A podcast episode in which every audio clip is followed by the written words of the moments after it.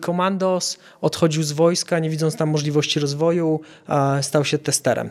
Dziewczyna, która przez wiele lat pracowała w gastronomii, z kelnerki, osoby, która czasem pracowała na kuchni, stała się programistką Java. No cześć, witam Was serdecznie. Ja nazywam się Karol Stryja, a to jest 51. odcinek podcastu Zawodowcy. Na początku kilka ogłoszeń.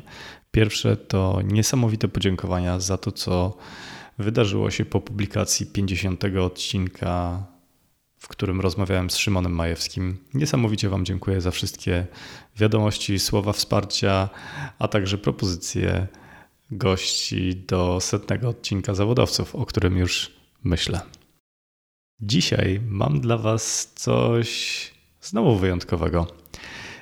Często zastanawiałem się, skąd biorą się programiści. To znaczy, czy rzeczywiście trzeba iść na studia, na Politechnikę, uczyć się 1, 2, 3, 4, 5, 6 lat, żeby uprawiać ten zawód. Czy jest coś w tym, że Google, jako jedna z firm, ostatnio, mm, o ile dobrze pamiętam, zdecydowała się na to, by nie patrzeć tylko w trakcie rekrutacji na dyplomy i ukończone studia. A więc jak to jest? Czy programowania można nauczyć się w kilka tygodni? Czym tak naprawdę zajmują się szkoły programowania? Po tą odpowiedź zgłosiłem się do Coders Lab, do Marcina Tchórzewskiego, który razem ze swoim bratem 5,5 roku temu założyli pierwszą w Polsce szkołę programowania. Wychodząc z takiego założenia, że chcieliby uczyć języków programowania dokładnie w taki sam sposób, jak uczy się języków obcych. Czy im się to udało? W jaki sposób podchodzą do nauki? I tak naprawdę, czego można oczekiwać po 6 czy 8 tygodniowym kursie? Dowiecie się właśnie z tej rozmowy. Zapraszam Was serdecznie. Moim gościem jest Marcin Tchórzewski.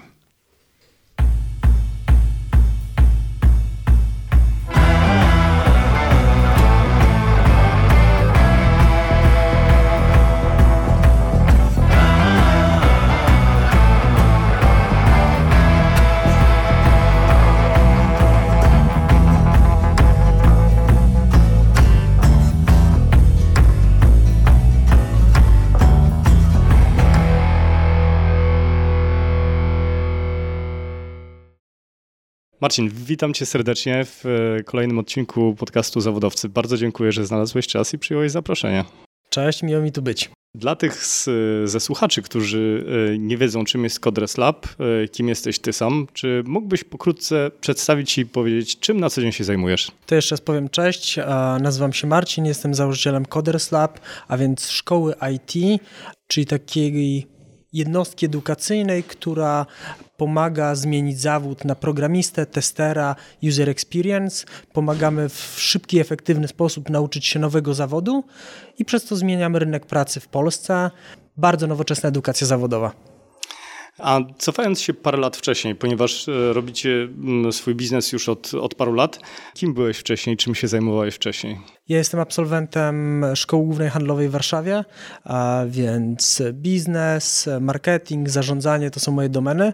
Mój brat, który jest współzałożycielem firmy, jest po Politechnice Warszawskiej, programistą, informatykiem i, i dobraliśmy się tworząc ten biznes, bo obaj uwielbiamy edukację, bo obaj mamy duży dryg, żeby uczyć innych, zmieniać sposób, w jaki się my sami uczyliśmy, czyli taki bardzo teoretyczny, nastawiony na suche przyjmowanie wiedzy, a my chcieliśmy uczyć praktycznie, czego brakuje na rynku pracy i po prostu podzieliliśmy się kompetencjami tak, że każdy e, w Coders Labie zajmuje się czym innym.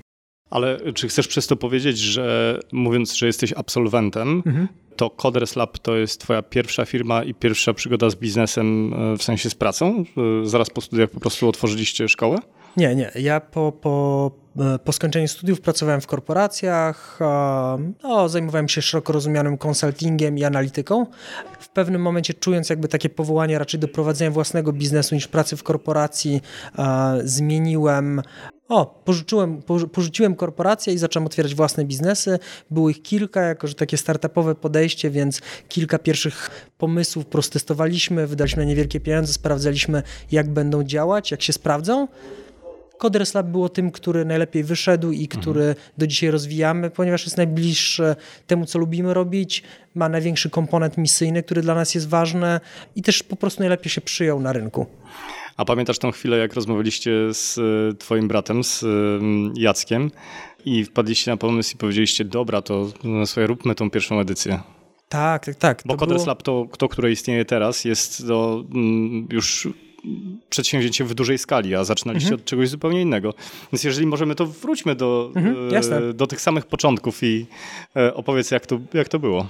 Połowa 2013 roku prowadzę kilka małych firm IT, kilka właściwie pomysłów testujemy sobie jako takie startupy. Właściwie to, co widzę, że najbardziej w tych wszystkich pomysłach tą najważniejszą, niezastąpioną częścią są programiści, którzy napiszą nam aplikację, stronę www, landing page i też widzę, że pomaga nam mój brat, jego kumple, inni programiści. Są bardzo ludzie młodzi, bardzo dobrze wynagradzani, którzy właściwie mówią, że nie nauczyli się programować na studiach, tylko sami po godzinach. Mówią, że studia techniczne ich niewiele uczą. I wtedy mówimy, kurczę, a co gdyby uczyć programowania jak szkoły języków obcych? I gdyby tych programistów mogło być więcej, więcej osób mogło mieć dostęp do dobrze płatnej, ciekawej intelektualnie pracy, która do tej pory zdobywają po prostu ucząc się sami. Więc połączyliśmy taki model szkół języków obcych bardzo popularny w Polsce do zawodu programisty, w ogóle zawodów IT. A zaczęliśmy pierwszy kurs we wrześniu 2013 roku. Bardzo dobrze się przyjął i to był taki po prostu test. To był kurs HTML-a? Nie, nie, to był kurs, e, bo my mamy kursy zawodowe, które trwają kilka tygodni, więc są to takie kursy od zera do programisty, od zera do bohatera można by powiedzieć, więc ludzi, którzy nie mieli wcześniej styczności z branży, uczymy do poziomu, w którym są w stanie znaleźć pierwszą pracę. No i tam oczywiście uh, uczymy HTML, CSS, JavaScript, jeden z wybranych języków programowania, um, jakiś framework tego języka, ale skupiamy się na tym, żeby uczestnicy oprócz praktycznych zadań, nie teoretycznych wykładów, tylko praktyka, praktyka, ćwiczenia, robili na koniec kursu własne aplikacje, wymyślali jakiś projekt, którym później będą mogli przyszłym pracodawcy się pochwalić, który zobaczy ich tą wiedzę zdobytą na kursie. E, no dobrze, ale jeszcze z, zanim przejdziemy do rozmowy o tym, co robicie teraz, mhm. mnie interesują najbardziej to, wiesz, takie początki, e, początki w mhm. sensie taki, e, wiesz, ten brud i ręce umazane mhm. w wszystkim, co jest związane z organizacją pierwszego tego mhm. typu szkolenia. E, opowiedz o tym, jeżeli, jeżeli mógłbyś, w sensie, no wpadliście na pomysł, tak? Mhm. Jak to rozreklamowaliście? Jak to przygotowaliście? Wynajmowaliście salę? zorganizowaliście biuro? Jeżeli mógłbyś Jasne. zdradzić, wiesz, trochę tak. takich, może nie pikantnych, ale ciekawych Początki, szczegółów. no to siedzimy w coworku, bo to jest najtańszy, że tak powiem, sposób otwierania biura, a raczej wszystko mamy wynajmowane, używamy własnych laptopów, telefonów, więc taki po prostu lean startup. Wpadamy na pomysł, ogłaszamy go, więc tworzymy prostą stronę, landing page, który zbiera osoby zainteresowane. Bardzo mało wtedy jeszcze w marketingu, więc jakieś proste frazy na Google AdWords, na Facebooku. Sporo sporo PR-u, bo, bo startupy w 2013 roku były jeszcze na takiej fali wznoszącej, mhm. więc sporo mediów w tym zainteresowanych. Wysłałem jakąś notkę, kto byłby zainteresowany. Część mediów mówi bardzo fajny, bardzo ciekawy kurs, a część mówi nie, no ale nie jesteście startupem, to przecież stacjonarny kurs. Startup... Bo tego na rynku w ogóle nie było. Nie, w ogóle nie było, ale startup to jest aplikacja internetowa, która wisi, coś robi, nawet jak jest 10 podobnych i wiadomo, że to mhm. się nie uda, ale wy robicie zbyt stacjonarne rzeczy, jesteście taką szkołą języków obcych, ale języków programowania, więc w części mediów to się dobrze przyjmuje, w części wcale. W tych, których się dobrze przyjęło, tak naprawdę wygenerowało nam bardzo duży PR. To odbiło się szerokim rynkiem, e, echem wśród programistów na rynku IT. Większość z nich bardzo dużym hejtem, mówiąc, nie da się nauczyć. Ja się mhm. uczyłem 5 lat na studiach, uczyłem się po godzinach samemu, dobrze zrozumiesz tylko jak czytasz książki, a na, na co staram się cały czas e, odpowiadać, pokazywać, że ok, jeżeli ty się nauczysz jedną metodą, to nie znaczy, że wszystkie inne są złe. To, że da się tego nauczyć samemu i do tej pory się da, to nie znaczy, że ktoś ci ułoży materiał i um, program i będziecie wspierał jako mentor. W skrócie, nie jesteś po, po uczelni, nie, nie możesz zostać informatykiem. Tak, więc bardzo dużo walczyliśmy z takim brakiem wiary, że to w ogóle ma sens ale też zapraszaliśmy na przykład hejterów, żeby byli u nas wykładowcami, żeby sprawdzili, o, albo żeby poznali naszych absolwentów. Ktoś skorzystał z okazji? Tak, tak, tak. Mieliśmy kilku programistów, którzy mówili, no, dobrych programistów, którzy często na imprezach branżowych wykładali, więc mieli ku temu umiejętności i wiedzę. Mhm. Więc mówiliśmy, ok, no ale to przyjdź na któryś tydzień, zobacz na jakim poziomie są nasi absolwenci, przekaż im ten wycinek wiedzy, w którym się specjalizujesz i oni widząc zapał tych ludzi, mhm. a, widząc ich zaangażowanie, poziom, w którym zda, zda, byli po 4-5 tygodniach kursu, mówili, to jednak ma ręce i nogi, to ma szansę zadziałać. I byli z ludzi, którzy byli naszymi dużymi hejterami w necie, stawali się tak właściwie naszymi zwolennikami i takimi apostołami tej idei. I myślę, że te pierwsze miesiące to było raczej przekonywanie środowiska, że taki model nauki ma szansę mhm. funkcjonować. Ale rozumiem, że przekonywaliście przy pełnej klasie już, tak? Tak, tak, tak. Już, ale to tak naprawdę trwało pierwsze dwa lata. To już była któraś edycja kursu. Mhm. Pierwszy kurs trwał dwa miesiące, więc to był wrzesień, październik i tak właściwie chodziliśmy na imprezy branżowe, rozmawialiśmy z ludzi, pisaliśmy artykuły, komentowaliśmy te, które są, więc dużo takiego marketingu szeptanego, ale też przekonywanie tych influencerów z konferencji branżowych, mhm. znanych ludzi w środowisku, że to, co robimy, jest po prostu właściwe i dobre i, i ma dobre rezultaty. A sami uczestnicy? W ogóle od początku istnienia Coders Labu uczestnicy byli takimi naszymi ambasadorami marki, bo mhm. nie każdy, kto zaczął kurs, ten kurs kończy, czyli trzeba sobie zapracować na dyplom, ale ci, którzy go już skończyli, mają dyplom, idą do pracy, w tej firmie przekonują swojego nowego szefa, kolegów i mówią, wow, dwa miesiące temu nie znałeś programowania, teraz z nami pracujesz na tym samym stanowisku, rozwijasz się, jesteś dobrym programistą, więc oni byli tymi ambasadorami, przekonywał, że to ma sens i teraz bardzo często trafia się, że trafiają do nas znajomi absolwentów, żony, mężowie, kuzyni, um, bardzo często, znaczy bardzo często to przesadzam, ale zdarzało się, że pary poznawały się na sali zajęć i później mieliśmy małżeństwa po Koderslabie. dzieci koderslabowe? Wiesz, to tego nie wiem, ale można by sprawdzić. Jasne. Wiesz co, mnie najbardziej zastanawia oprócz to może kontynuujmy jeszcze wątek e, rozwoju firmy, mhm. a potem przejdziemy do, do samych ludzi, do samych absolwentów. No bo zaczynaliście firmę we dwóch z, z twoim bratem, prawda? Od początku zatrudniliśmy jeszcze jakichś wykładowców, którzy mhm. wspierali w tych technologiach, w których Jacek nie był specjalistą. Od początku było dwójka studentów, która mnie wspierała, a, ponieważ tylko na, na jakby pensje studenckie wtedy nas było stać mhm. w jakichś działaniach prostych, szeptanych marketingu albo w organizacji kursu. Natomiast tak naprawdę firma się rozwijała od tych częściowo na część etatu zatrudnionych osób do 80 osób na PNT, które mamy teraz, do prawie 200 wykładowców kontraktowych, którzy znowu specjalizują się w jakiejś danej technologii, mhm. wykładają w danym mieście albo w tygodniu, albo w weekendy, bo też ludzie, którzy pracują na co dzień jako programiści są po prostu zajęci Pewnie. i często wykładają u nas bo jest to ciekawy rozwój dla nich zawodowy, możliwość przekazania wiedzy albo rozwój swoich umiejętności miękkich. Natomiast jakbym miał tak popatrzeć latami, to 13 rok to był taki test właściwie, czy mamy... Test pomysłu, tak? Tak, taki product market fit. Mhm. Rok 2014 to było ulepszanie produktu i od tego 2015 właściwie zaczęliśmy rozwijać skalę. Mhm. No i mhm. ten 15, 16, 17, chyba 16 był takim roz... E, największym procentowym wzrostem skali. Um, wtedy też się pojawiło bardzo dużo firm konkurencyjnych. Był taki moment, że staliśmy na tyle rozpoznawani, dobrze jakościowo, że osoby, które się zapisywały, słyszały, OK, pierwsze wolne miejsce jest za 3-4 miesiące, musi poczekać w kolejce. I, wtedy moment... pojawiła się konkurencja. Tak, i wtedy pojawiło się naprawdę sporo konkurencji. Część nie przetrwała próby czasu, bo, bo jednak trzeba sporo włożyć wysiłku w materiały, sposób nauki. Już teraz w ogóle w software, który wspomaga tą edukację, więc to, to wejście na rynek jest dużo trudniejsze niż parę lat temu. Natomiast my cały czas rośliśmy aż jesteśmy tutaj dzisiaj, więc te 88 penetat, od dwójki studentów zaczynając. A jak wspominasz te swoje pierwsze edycje, czy to było tak, że e, pierwsze edycje już pozwalały wam zarabiać, czy jeszcze to było tak, że wiesz, budując biznes dokładaliście do, hmm. do tego?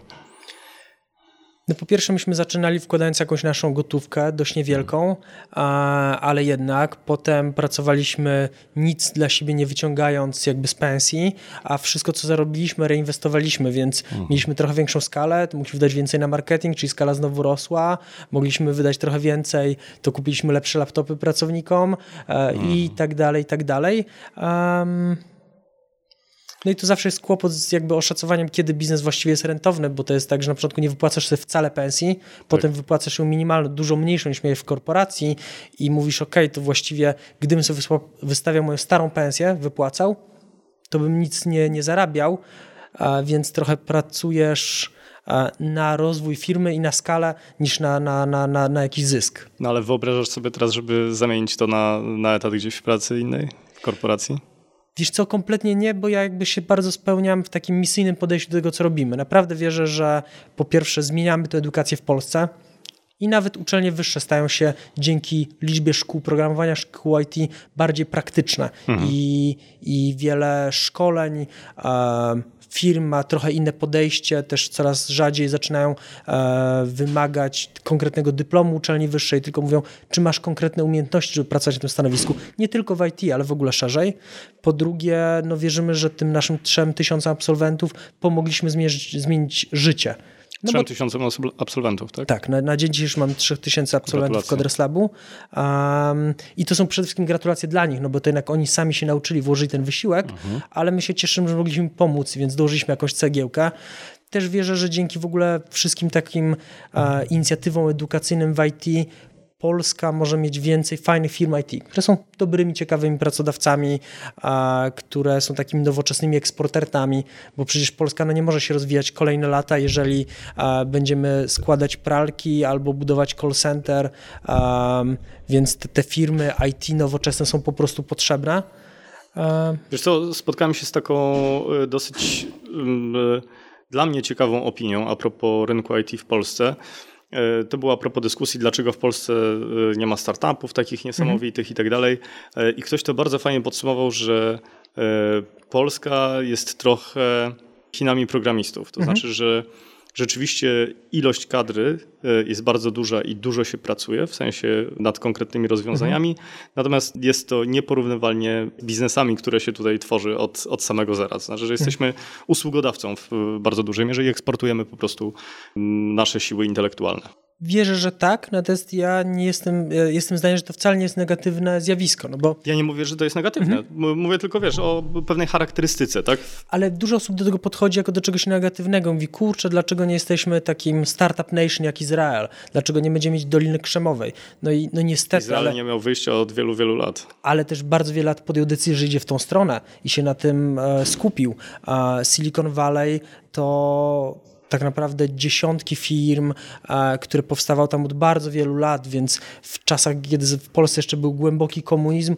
oni już pracowali na tym, żeby Oczywiście. budować wielkie firmy technologiczne. I tak naprawdę my nie mamy możliwości stać się kolejną Doliną Krzemową. I teraz możemy się załapać na te zmiany technologiczne poprzez, ok, to bądźmy przynajmniej podwykonawcą pewnych mhm. usług, miejmy dobrze wykształcone kadry, które dobrze zarabiają, bądźmy tymi nowoczesnymi eksporterami, no bo software house właściwie budując jakąś aplikację, jest to jest eksporterem. eksporterem, który wysyła ten swój kod mailem albo e, wieszając gdzieś tam kod na stronie i wysyłając link. Um, ale to jest eksport jakby dużo lepszy niż ten, który jedzie tirami czy pociągami. I potęgi takich krajów jak Niemiec, zbudowa Niemiec, Japonii zbudowane były właśnie na... Na fizycznych towarach? Tak, wiele lat temu my musimy po prostu pójść kawałek dalej, natomiast ten eksport może być taką siłą, która nas pociągnie i, i to jest jedyne wyjście, żebyśmy trochę uzależnili się od wykopywania węgla lub takiego bardzo ciężkiego, brudnego i przestarzałego eksportu, mhm. jaki w tym momencie mamy. Chciałbym, żebyśmy porozmawiali o takim statystycznym Kowalskim i o statystycznym mhm. uczestniku waszych kursów, bo wiesz, chciałbym skonfrontować tutaj te dwie opinie, to znaczy opinię sceptyków, mhm. którzy mówią do tej pory, mhm. abstrahując od ty, o tych osobach, y, o których mówiłeś wcześniej, ale mówią tak, nie no słuchajcie, nie da się nauczyć programistów albo po takich kursach co najwyżej tester jakiś czy y, coś w tym stylu. I z drugiej strony yy, opinię twoją i twoje zdanie bazujące na twoim doświadczeniu dotyczące tego, że w trakcie tych kilku tygodni jesteś w stanie przygotować osobę, która będzie posiadała pewne kwalifikacje, które pozwalają jej zdobyć pracę w zawodzie. Mhm. Mógłbyś opisać takiego, e, gdybyśmy mogli to zrobić na przykładzie e, waszego najpopularniejszego kursu, mhm. opowiedzieć o tym, co jest wymagane, ile mhm. to kosztuje, mhm. czyli jaka to jest inwestycja i na co potem mogą liczyć te osoby. Mhm. Ja bym powiedział, że zaczynając od tych person, że mamy powiedzmy takie trzy główne persony. Pierwszą to są ludzie, którzy właśnie kończą studia licencjackie, czasem magisterskie, mówią, no gdzieś popełniłem lekki błąd i, i po tym moim właściwie uczyłem się czegoś i nie chcę w tym zawodzie pracować. Czyli zarządzanie na przykład z całym szacunkiem, turystykę, kosmetykę i geografię, się, że... stosunki międzynarodowe, ale czasem tak samo bardzo skomplikowane studia lingwistyczne, mhm. języka, po którym nie ma tak wcale dużo pracy. Um, mogą być ludzie, którzy skończyli prawo i mówią, ja po prostu nie chcę być prawnikiem, nie chcę w tym siedzieć, mimo że to było intelektualnie bardzo ciekawe. A mogą być ludzie, którzy mówią, ok, no ale po geografii mogę zostać nauczycielem, kartografem i pewnie tyle. I tu też znowu nie ma tak dużo pracy, więc idę do korporacji i będę do mnie uczyli zawodu od zera. Więc oni mówią, przedłużam ten etap edukacji o dwa miesiące, mhm. idę na kurs stacjonarny od poniedziałku do piątku. Płacę za niego te 10 tysięcy złotych, ale przeliczając na godzinę to jest 20 parę złotych za godzinę i właściwie zdobywam nowy zawód, który jest dobrze, nieźle płatny na początku, dobrze płatny w długim okresie. Mhm. Um, więc przedłużanie edukacji to jest pierwsza tak. taka persona.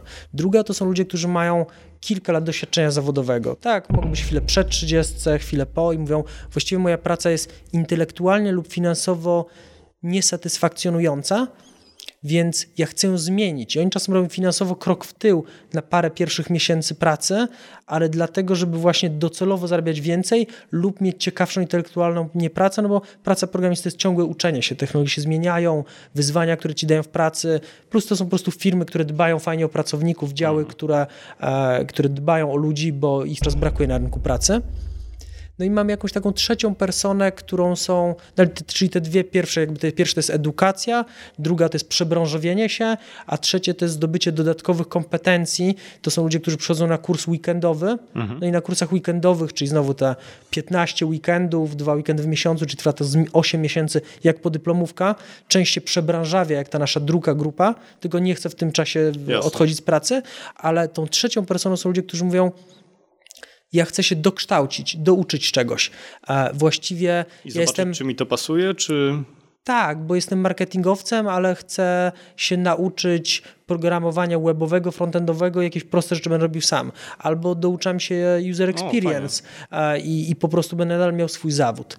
E, są ludzie, którzy pracują w analityce, idą na kurs Pythona i mówią, no ja będę robił trochę więcej zadań typu data scientist, mhm. albo um, będę, uh, no tak, po prostu do, dokładał sobie jakieś dodatkowe kompetencje. E, idą właściciele własnych małych biznesów, project managerowie, którzy mówią, dzięki temu, że będę potrafił pisać kod, to będę się lepiej dogadywał z programistami, będę potrafił samemu zrobić mhm. rzeczy. Ludzie, którzy chcą założyć własny startup. Albo będę wiedział, czego wymagać też. Też, bo będę potrafił chociażby ten kod dobrze przeczytać, nawet jak nie będę super od razu profesjonalny w jego pisaniu, E, I oni nie zmieniają pracy. I to jest ta trzecia grupa, która robi to, żeby swoje poszerzyć kompetencje. Tak, tak, tak. Słuchaj, z, zakładam, że rozmawiamy właśnie o jednej z osób z tych dwóch pierwszych, e, mhm. pierwszych grup, czyli takich, które e, no, chciałyby zmienić coś w swojej karierze i zmienić całkowicie zawód. Mhm. Czyli wybieram kurs, bądź stacjonarny, bądź taki weekendowy, inwestuję na poziomie 10 tysięcy złotych. Na co może liczyć mhm. taki absolwent? Mhm przy założeniu, że ten kurs e, da z sukcesem i rzeczywiście wyniesie e, określoną porcję wiedzy z waszej szkoły. Tak. Um... Mówiąc wprost, Marcin, pytam trochę o takie Ile konkrety, jak wygląda rynek i rzeczywistość. Tak. Um, po pierwsze, wszystko zależy od technologii, której się uczymy. Um... Słuchaj, rozmawiajmy na przykładach, jeżeli mógłbyś na przykład mhm. powiedzieć, wiesz, który z kursów jest według ciebie najpopularniejszy i daje największe szanse na, na zatrudnienie, co się z tym wiąże i tak dalej. Fajnie byłoby, gdybyśmy Jasne. mogli taki, wiesz, e, life example zdać trochę. Oczywiście, tak. W tym momencie z języków najbardziej popularnych jest Java, a więc taki język wykorzystywany przez duże korporacje backendowy. A najlepiej płatny, najwięcej miejsc pracy. Tutaj kończymy kurs. Oczywiście musimy zdać dobrze wszystkie egzaminy, dostać dyplom, mieć to portfolio zrobione, więc tego nikt nas na siłę nie nauczy, ale jeżeli na dobrym pracowaliśmy i na dobrym poziomie kończymy kurs, to od razu znajdujemy pracę i to nieźle płatną, więc w Javie to będzie, będzie 3,5 pewnie na przykład do 5 tysięcy złotych um, miesięcznie i to są te pierwsze pensje, które później mogą rosnąć. 3,5-5 y, netto czy brutto, bo to jest też y, ważne? Um, Ustalmy, że na rękę, no i tutaj no, oczywiście rękę. ludzie czasem to robią na działalność gospodarczą, więc wtedy mhm. to, to jest na fakturę netto, czasem tak. to będzie jakieś początkowe, to będą umowy o dzieło, ale oczywiście też są firmy, które zatrudniają od razu na umowę pracy, jeżeli komuś na tym zależy i, i, i z tym też nie ma problemu, tylko tutaj będzie się pewnie wahało. Plus bardzo zależy jakby od danej osoby, powiedzmy, bo każdy siebie sprzedaje i, i tutaj... Jak zawsze. Tak, dokładnie, jak to w życiu. Dalej mam języki backendowe, takie jak e, Python, bardzo mocno wy wykorzystywane przez świat finansów, przez właśnie data science, e, przez crawlery wszystkie internetowe. Mamy PHP, który ma niestety złą sławę w Polsce, bo był to język bardzo taki toporny, natomiast te najnowsze jego wersje są naprawdę e, dobrze działające, proste do nauki, mhm. ale już takie no, po prostu bardzo się poprawił w najnowszych wersjach. No i jego wielką zaletą jest to, że naprawdę większość stron www w Polsce jest cały czas oparta o PHP, PHP. Mhm. i jest bardzo dużo pracy. Mm, dalej mamy um, JavaScript, więc język frontendowy, który właściwie teraz ma już i możliwość takie pisania frontendu i backendu, więc bardzo szeroko, ale wywodził się jako język czysto frontendowy i, i tutaj najczęściej idą osoby o takim zacięciu estetycznym, które chcą właśnie ten front budować, Aha. czyli muszą po prostu rozumieć, czym jest strona ładna, jak pracować z grafikiem, jak coś zbudować, żeby po prostu było estetycznie poprawne. Mm.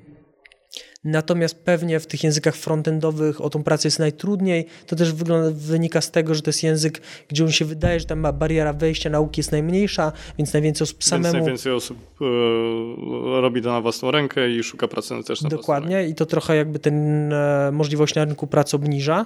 E, mamy kursy testerskie. Tutaj mhm. trzeba być, żeby być testerem, to są... Widziałem w ogóle, że macie ciekawy kurs, y, kurs testerski dla mam. Tak, tak.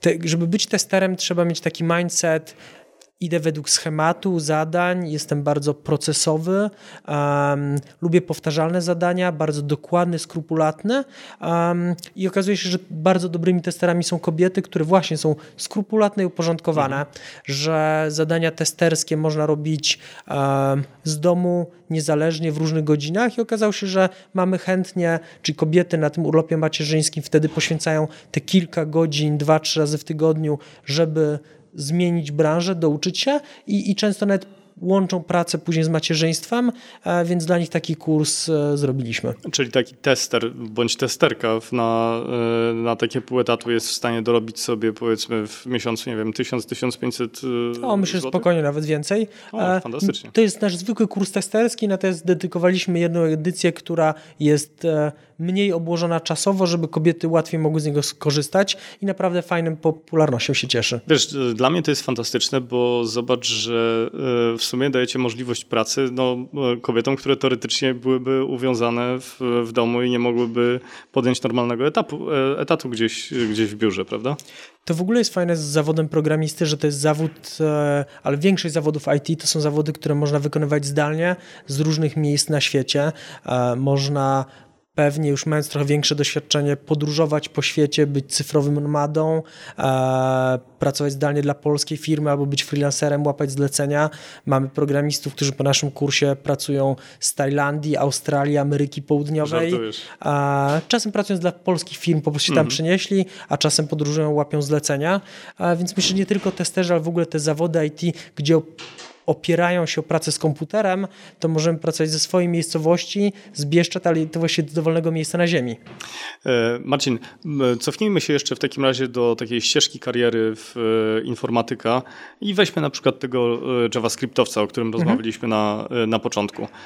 Kończy kurs, wysyła kilka, kilka aplikacji, załóżmy, że dostaje się do jakiejś firmy, zarabia właśnie na poziomie tych 3,5 tysiąca mhm. złotych jako swoje pierwsze wynagrodzenie i Oczywiście zdaję sobie sprawę z tego, że to jest zawsze kwestia indywidualna, e, dotycząca predyspozycji, ilości ciężkiej pracy włożonej w swój własny rozwój i tak dalej, ale jak ta kariera może się rozwijać mhm. w takiej powiedzmy medianie, wiesz, e, jak, jak obserwujesz? To znaczy po pół roku jestem kim? Po roku mhm. pracy wytężonej, po, wytężo, po roku wytężonej pracy, mhm. E, na co ma szansę taka, e, mhm. taka osoba? Co się dzieje po dwóch, trzech latach? Mhm. Zawsze musimy powiedzieć, że zaczynasz od stanowiska po kursie jako junior. No i to można bardzo różnie nazywać. To może być junior, a w innej firmie nazwą to stażystą, praktykantem, ale to są te po prostu niższe zarobki. Um, jeżeli to jest naprawdę twoje powołanie, lubisz to, co robisz, sprawdzasz się, tym spełniasz, no to bardzo dużo uczysz się w pracy. To znaczy każde nowe zadanie to jest coś, co wzbogaca twoje portfolio dokonań. Cały czas pracując, uczysz się, rozwijasz. Czyli nazwijmy to, dostajesz na kursie narzędzia, które potem wykorzystujesz już w swojej w, e, pracy i zaczynasz budować dopiero. Tak, ale to, co jest ważne, bo w niewielu zawodach tak szybko rośnie ci wiedza poprzez praktykę. Um, ponieważ jakby zadania programistyczne nie są tak bardzo powtarzalne jak w wielu innych zawodach, więc cały czas ucząc się, tworzyć swoje portfolio i z każdym tygodniem pracy jesteś więcej też wart na rynku pracy. Mm, ja wierzę, że taką pierwszą podwyżkę to powinno się dostawać po pół roku mhm. do dziewięciu miesiącach po kursie. Um, I później rzeczywiście to idzie już co, co rok, to na pewno jakby w IT są podwyżki, często można dostać je wcześniej. Tak naprawdę jak szybko się uczymy, rozwijamy, to zależy indywidualnie od Oczywiście. danej osoby. Um, Mamy przykłady ludzi, którzy po kilku latach pracy stali się senior programistami, e, CTO firmy. E, Natomiast to są oczywiście najlepsi z najlepszych, Naturalnie. Ale, ale myślę, że ta ścieżka jest bardzo ostro nachylona pod górę, czy możesz szybko wspiąć się na szczyt, ponieważ w tej branży wszyscy są młodzi. W tej branży cały czas brakuje ludzi. Bardzo szybko wiedzę, którą ty zdobyłeś, jest kolejnych 10 juniorów i ty już jesteś tym o rok, dwa bardziej doświadczonym od nich. Mhm. I to jest w ogóle branża, która najbliższe 10 lat będzie się rozwijała, więc tak jak wierzę, że w Polsce w latach 90. najlepsze kariery robiło się w FMCG-ach um, i te firmy... Ale to zupełnie inny świat też był, prawda? Tak, ale to były firmy, które bardzo rosły, które bardzo dużo nowych osób zatrudniały, gdzie dużo się działo. W latach 2000 najszybciej rosły banki, firmy zajmujące się ubezpieczeniami, w ogóle cała branża finansowa. I te lata naste należą do firm IT, mhm. które teraz będą rosły, najwięcej zatrudniały i powiedzmy tutaj na kariery są najszybsze. A dlaczego mówisz o tych 10 latach? Co się za te 10 lat wydarzy? Mhm. Jak po prostu czasem mnie pytają, jakie są perspektywy, jak się świat zmieni, to ja mówię, na dwa lata do przodu jestem w stanie powiedzieć, co się będzie działo w Coders Labie, na pięć tak trochę powróżyć z fusów z kawy, na 10 to snuć jakieś wizje, ale co będzie za 10 lat. Wiesz, pytam na... o twoje takie wyobrażenie, bo y, ja zdaję sobie z tego sprawę, że za 10, y, inaczej, patrząc wstecz, 10 lat temu żyliśmy w całkowicie y, innym świecie. Tak. To znaczy internet nie był w skali, nie mieliśmy smartfonów, nie było Facebooka, nie było Instagrama, nie było YouTube'a. Świat wyglądał całkowicie inaczej. Był Google. Mhm. I dlatego ja się boję mówić, co będzie za więcej niż 10 mhm. lat. Ale, ale y, powołuję się na to, bo sam, sam powiedziałeś, że przez następne 10 lat będzie perspektywa dobrej pracy dla programistów. Bo wiem, że w ciągu najbliższych 10 lat ilość kodu, oprogramowania systemów IT będzie ciągła rosła. W tym momencie, no oczywiście mam smartfona i mam dużo więcej aplikacji niż miałem dwa lata temu i za dwa lata znowu one będą bardziej skomplikowane, więcej się będzie działo, chociażby... Poza tym tutaj nic nie stoi, prawda? Nie stoi w miejscu. Żadne tak. z tych rozwiązań, które już teraz istnieją, nie, nie stoją w miejscu, wszystkie są rozwijane, a do tego dochodzą nowe. Dokładnie, ale kiedyś to były bardzo proste aplikacje, z których korzystałem. Teraz są aplikacje, z którymi już rozmawiam, które same wyłapują, nie wiem, mimikę mojej twarzy, e, w których zarówno voice... Wchodzisz na bardzo ciekawy dla mnie e, teren. I zdaję sobie sprawę, bo ja wierzę, że e, Alexa, Google Assistant w ciągu najbliższych lat bardzo zyskają. W tym momencie mój zegarek łączy się z internetem, ale wierzę, że moja lodówka będzie się łączyć z internetem za kilka lat. W tym momencie duża część firm firm w Polsce ma swoje strony www i jakaś mała część ma aplikacje, które jeszcze pomagają robić łatwiej zakupy, kupować usługi, ale wiesz, że za 10 lat to wszystkie firmy będą mieć swoje strony firmowe i duża część będzie miała aplikacje, które ułatwiają tą pracę. Albo Wierzę, że na Amazonie. Wierzę, że za 10 lat będziemy mieć już powszechnie używane samojeżdżące samochody, e, powszechnie działające roboty, z którymi będziemy mogli się łatwo komunikować. No i teraz te wszystkie rozwiązania ktoś musi zaprogramować, więc ten świat IT, ilość kodu będzie tylko rosła. Ja jestem pod niesamowitym wrażeniem, jak patrzę na y, te platformy crowdfundingowe, na Kickstartera y, i na ilość tych pomysłów, y, mhm. na ilość produktów, które w sposób no, całkowicie niezależny wymyśla grupa osób i po prostu realizuje. Mhm To jest coś niesamowitego dla mnie. Ale to jest w ogóle bardzo ciekawy temat, bo ja wierzę, że w ogóle takimi dużymi mm, zmiany technologiczne idą za wielkimi platformami. Tak, smartfony były jedną z platform, które powoli spowodowały, że wybiła się masa biznesów, ponieważ zaczęliśmy, programiści zaczęli tworzyć aplikacje od gier i powstały tym wielkie firmy, poprzez e, serwisy społecznościowe, które też w ogóle wystrzeliły przez to, że mamy dostęp do nich na smartfonach, więc powiedzmy smartfony były taką platformą trochę technologiczną, na której wy, wyskoczyło wiele biznesów. Tak samo znowu platformą, może nie technologiczną, ale biznesową, finansową e, były platformy crowdfundingowe e, i tam też masę firm powstało, które dzięki temu zdobyły finansowanie Słuchaj. wcześniej niemożliwe, albo zasięgi użytkowników, których by nie dotarli. Dla mnie to jest niesamowite, nawet z e, Mariuszem, e, siedzącym tutaj obok fotografem, rozmawialiśmy na temat film, firmy Edelkrone, Mariusz, prawda? Twój telefon, wiesz, e, porusza się i robi ci mhm. ujęcie, wiesz, takie jak kiedyś robiło się na rolkach za kilkadziesiąt tysięcy, mhm. tysięcy złotych. I takich branż i produktów można liczyć na, tak. na, wiesz, na dziesiątki i setki i rzeczywiście tak jak jak mówisz, ja na to patrzyłem trochę z innej strony, znaczy patrzyłem e, na to ze strony takiej koncepcyjnej, znaczy mówię sobie, dobra, załóżmy, że jest tutaj ten e, rejestrator głosu, ktoś musiał go wymyślić. Tak. Ale patrząc teraz na to, że to wszystkie urządzenia za chwilę będą i podłączone do sieci, i będą musiały mieć w sobie oprogramowanie, to rzeczywiście pracy dla informatyków jest niesamowicie dużo. Też się z tym zgadzam. A znowu wejdę na lubiany przez ciebie temat. Uważam, że kolejną taką platformą, na którą wybije się bardzo wiele firm i biznesów będzie Voice i będziemy coraz mniej klikać na telefonach ręką, a coraz więcej z nimi komunikować się głosem i te aplikacje, gdzie teraz wszystko musimy palcem dotykać, to właściwie za chwilę będziemy rozmawiać z naszym telefonem, Google Asystentem, Alexą,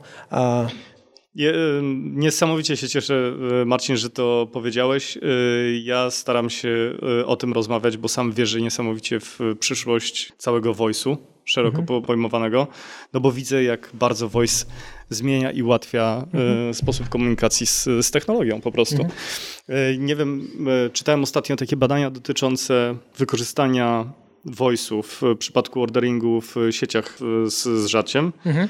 I tak jak wydawało mi się, że optymalnym rozwiązaniem są te kioski, wiesz, do których podchodzisz, klikasz i tak dalej, to wyobraź sobie, że zrobiono badania i okazuje się, że z wykorzystaniem technologii głosowych interakcje i zamówienia następują trzy razy szybciej.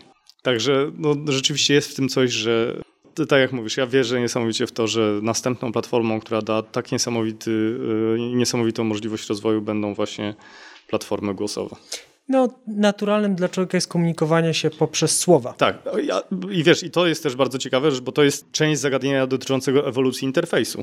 Nie wiem, czy, czy, czy też na to w ten sposób patrzysz, no bo zobacz, że kiedyś programowaliśmy komputery za pomocą taśmy dziurkowanej, Potem przerzuciliśmy się na fizyczne klawiatury. Teraz możemy tą klawiaturę mieć albo malutką jakąś, albo na ekranie.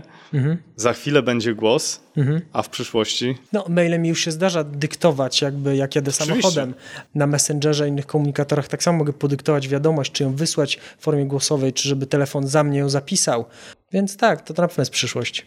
Wracając do Coders Lab, powiedz mi, ciekaw jestem bardzo, bo na pewno widziałeś sporo takich przypadków, e, case'ów ludzi, którzy rzeczywiście zmienili swoje życie o 180 e, stopni. Mhm. Czy masz w głowie jakieś takie osoby, które robiły coś absolutnie niewyobrażalnie innego od informatyki? Przyszli tutaj, zdobyli pewne kwalifikacje i rzeczywiście teraz odnoszą sukcesy w całkowicie innej branży. Większość naszych 3000 absolwentów nie jest po studiach technicznych, bardzo niewielu z nich to byli studenci informatyki, którzy tego, co my uczymy, uczyli się dłużej, może mniej efektywnie, bardziej teoretycznie, ale jednak na studiach.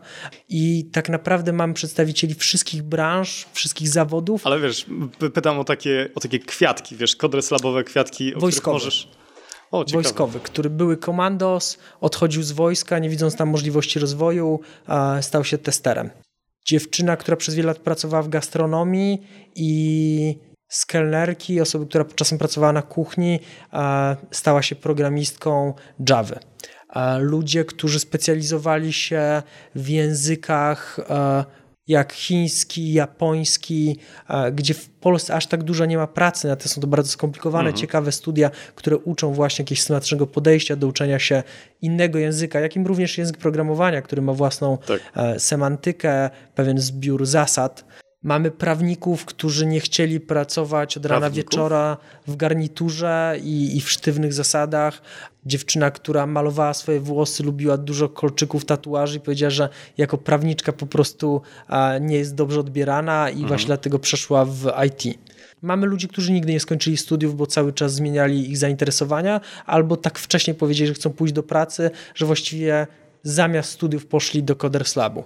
Mamy absolwentów, chyba najstarszy był koło 60, który już na emeryturze nauczył się programować, żeby móc jeszcze coś robić, żeby tworzyć strony dla Żartujesz. znajomych, trochę dorabiać, natomiast żeby też intelektualnie zostać na chodzie i, i, i czymś się zajmować. Ale rozumiem, że są też ludzie, którzy nie kończą tych kursów. Tak, około 20% osób, które zaczynają, nie kończą.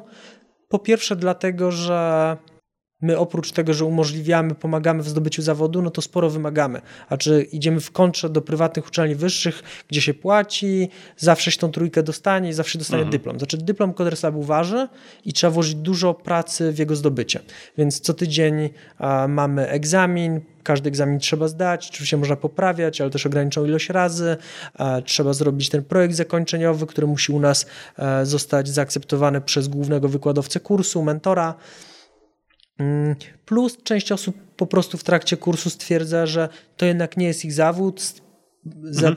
Sprawdzili go, odchodzą w połowie kursu, więc my im zwracamy te pieniądze za część kursu, na której nie byli o, zgodnie ciekawe. z umową. I staramy się, żeby skończyli kurs tylko ci, którzy naprawdę mają szansę pracować w zawodzie i chcą to robić. No właśnie, a tak wiesz, dla ludzi, którzy na razie jeszcze nie drążyli tematu, mhm. czy są jaki, jest jakiś specjalny zestaw predyspozycji, umiejętności, który wiesz, uprawia do tego, żeby zostać y, informatykiem? No właśnie, IT to jest bardzo szeroki zakres umiejętności, no bo backendowcy to jest typ osoby, czyli programiści backendu, języków backendowych to są osoby, które lubią logiczne łamigłówki, lubią dostać zadanie, żeby z bazy danych takiej wytworzyć coś, żeby a, zoptymalizować dojście z punktu A do punktu B. I mają zadania, robią je przez 2-3 dni samemu albo w bardzo małym zespole, skupiają się na rozwiązaniu. Piszą bardzo logiczny, prosty kod, natomiast wymagający dużo intelektualnego wysiłku. Frontendowcy, więc języki programowania frontendowe, te, które tworzą... Estetyka tak, dokładnie. Estetyka, czyli te, te, te, te strony www, które my widzimy, te wierzchnie ich warte, mhm. warstwy, no to są osoby, które muszą mieć pewne wyczucie estetyczne, rozumieć kolory, wygląd, e, dobrze pracować z grafikami, częściej pracować z ludźmi. Są project managerowie, którzy w ogóle już pracują więcej z klientem, z zespołem. Są testerzy, którzy muszą być skrupulatni, uporządkowani, procesowi, bardzo dokładni. Są specjaliści od user experience, którzy właściwie są takimi marketingowcami, trochę psychologami, rozmawiają z klientami, użytkownikami, e, decydują jak zmienić aplikację, żeby ona była najwygodniejsza, żeby żebyśmy my odpalając tego Spotify'a bez czytania instrukcji obsługi wiedzieli co gdzie kliknąć i potrafili znaleźć wszystkie funkcje, bo chociażby na smartfonach właściwie Oj, to jest straszne. Tworzymy... Ja otwieram stronę i nagle mi się otwiera wiesz, otwierały mi się cztery okna, pięć paneli do zamykania i tak dalej i nie wiadomo gdzie, czego szukać i tak dalej. Tak, i mamy nadal dużo źle zrobionych stron www, natomiast na smartfonie już większa aplikacja jest tak dobrze dopracowana, że my nie musimy czytać instrukcji obsługi jak kupując gadżety wiele lat temu, tylko po prostu intuicyjnie wiemy co gdzie kliknąć i po chwili chodzenia po, po nowej aplikacji jesteśmy jej użytkownikiem, który korzysta ze wszystkich funkcjonalności. A co byś poradził takiej osobie, która, yy, wiesz, która źle się czuje w tym miejscu, w którym jest, mhm.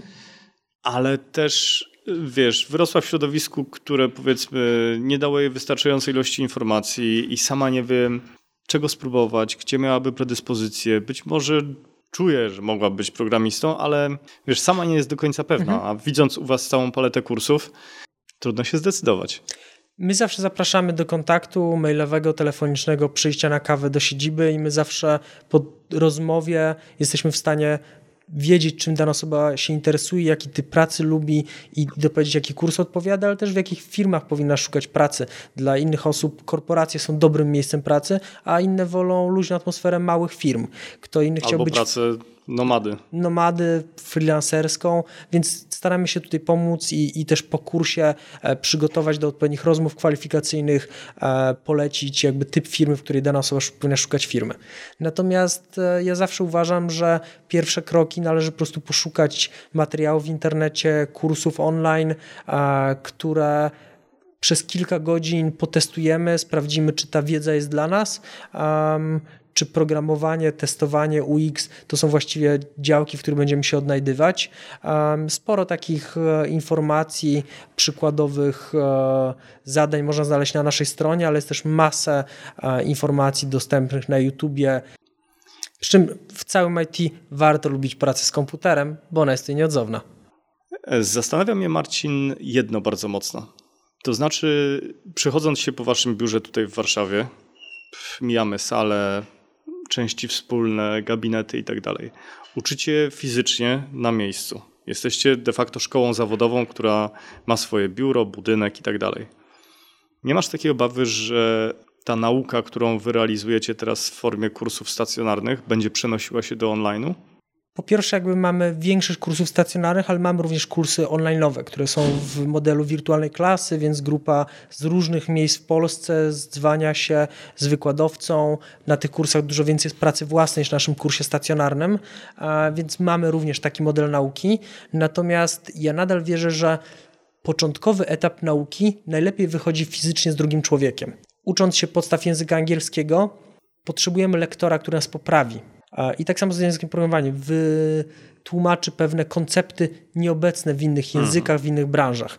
E, wykładowcę, który sprawdzi od razu po nas e, materiał, poprawi, pokaże nam inne rozwiązanie, lepsze podejście, więc będzie taką pomocą. Ale tak samo, zupełnie mówiąc szczerze, fizyczne miejsce powoduje, że musimy się skupić te 8 godzin na nauce, mhm. a w domu bardzo ciężko się skupić 8 godzin samemu uczyć się przed komputerem. Ale... Grupa motywuje, grupa powoduje, że pracujemy z innymi ludźmi, wykładowca, więc jest to pewien reżim. I tak jak wierzę, że na tych bardziej zaawansowanych poziomach nauki, jakby nauka online jest najlepsza, tak wierzę, że na podstawowych Mamy mhm. też rozwiązania online'owe, natomiast ja wierzę jeszcze w bardzo tą przewagę nauki fizycznej, kontaktu z drugim człowiekiem. Ja po sobie widzę, że na zajęciach zorganizowanych robię więcej pompek na siłowni, niż jak sam pójdę na tą siłownię, więc jakby magia grupy Ćwiczysz jest sobie, która...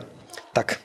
E, w crossficie, tak na marginesie, pasjonuje mnie to, że to jest jedyny sport, e, wiesz, zespołowy, który uprawiasz w sposób indywidualny. Tak, tak, bardzo to rzeczywiście ciekawe. No dobrze, a to jeszcze wracając do, do kursów online, e, czy z drugiej strony obserwujesz też, e, że ta kategoria jest e, coraz silniejsza u Was? W sensie więcej osób korzysta z kursów online? Czy, My czy dopiero od niedawna mamy kursy online, więc one rosną i one będą rosły. Jakby taka jest przyszłość świata. Mhm. Te kursy online powodują, że można być niezależny od miejsca, gdzie kursy są organizowane w dużej części od czasu, więc oczywiście to będzie rosło. Marcin, kończąc naszą rozmowę, czy mógłbyś e, podsumować, tylko jeszcze powiedzieć e, naszym słuchaczom, gdzie działa Coders Lab, w jakich miastach, bo to nie jest tylko Warszawa. Stacjonarne nasze placówki mamy w Warszawie, Wrocławiu, Krakowie, Trójmieście, Poznaniu.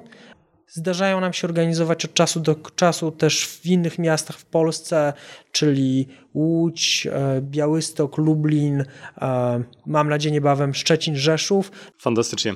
Marcin, jeszcze raz wielkie gratulacje za to, co stworzyliście. Bardzo Ci dziękuję za dzisiejszą rozmowę i cóż, życzę powodzenia w dalszym rozwoju biznesu. Dzięki wielkie i do zobaczenia ponownie niebawem. Dziękuję. Ciekawe, prawda? Słuchajcie, e, żeby ta audycja nie była tylko i wyłącznie teoretyczna, postanowiliśmy wspólnie z Marcinem zaprosić dwie osoby, kobietę i mężczyznę, którzy rzeczywiście przeszli drogę zmiany zawodowej z udziałem Coders Lab. Już w piątek, w tym tygodniu, będziecie mogli wysłuchać e, kolejnego odcinka podcastu Zawodowcy, w którym to właśnie będę rozmawiał z kolejnymi gośćmi, którzy zrewolucjonizowali swoje życie zawodowe i stali się programistami. Już teraz zapraszam Was serdecznie do wysłuchania tego odcinka. Jeżeli podobała Wam się ta audycja, będę super zobowiązany za recenzję, którą wystawicie w iTunes. Dzięki wielkie, do usłyszenia, wszystkiego dobrego.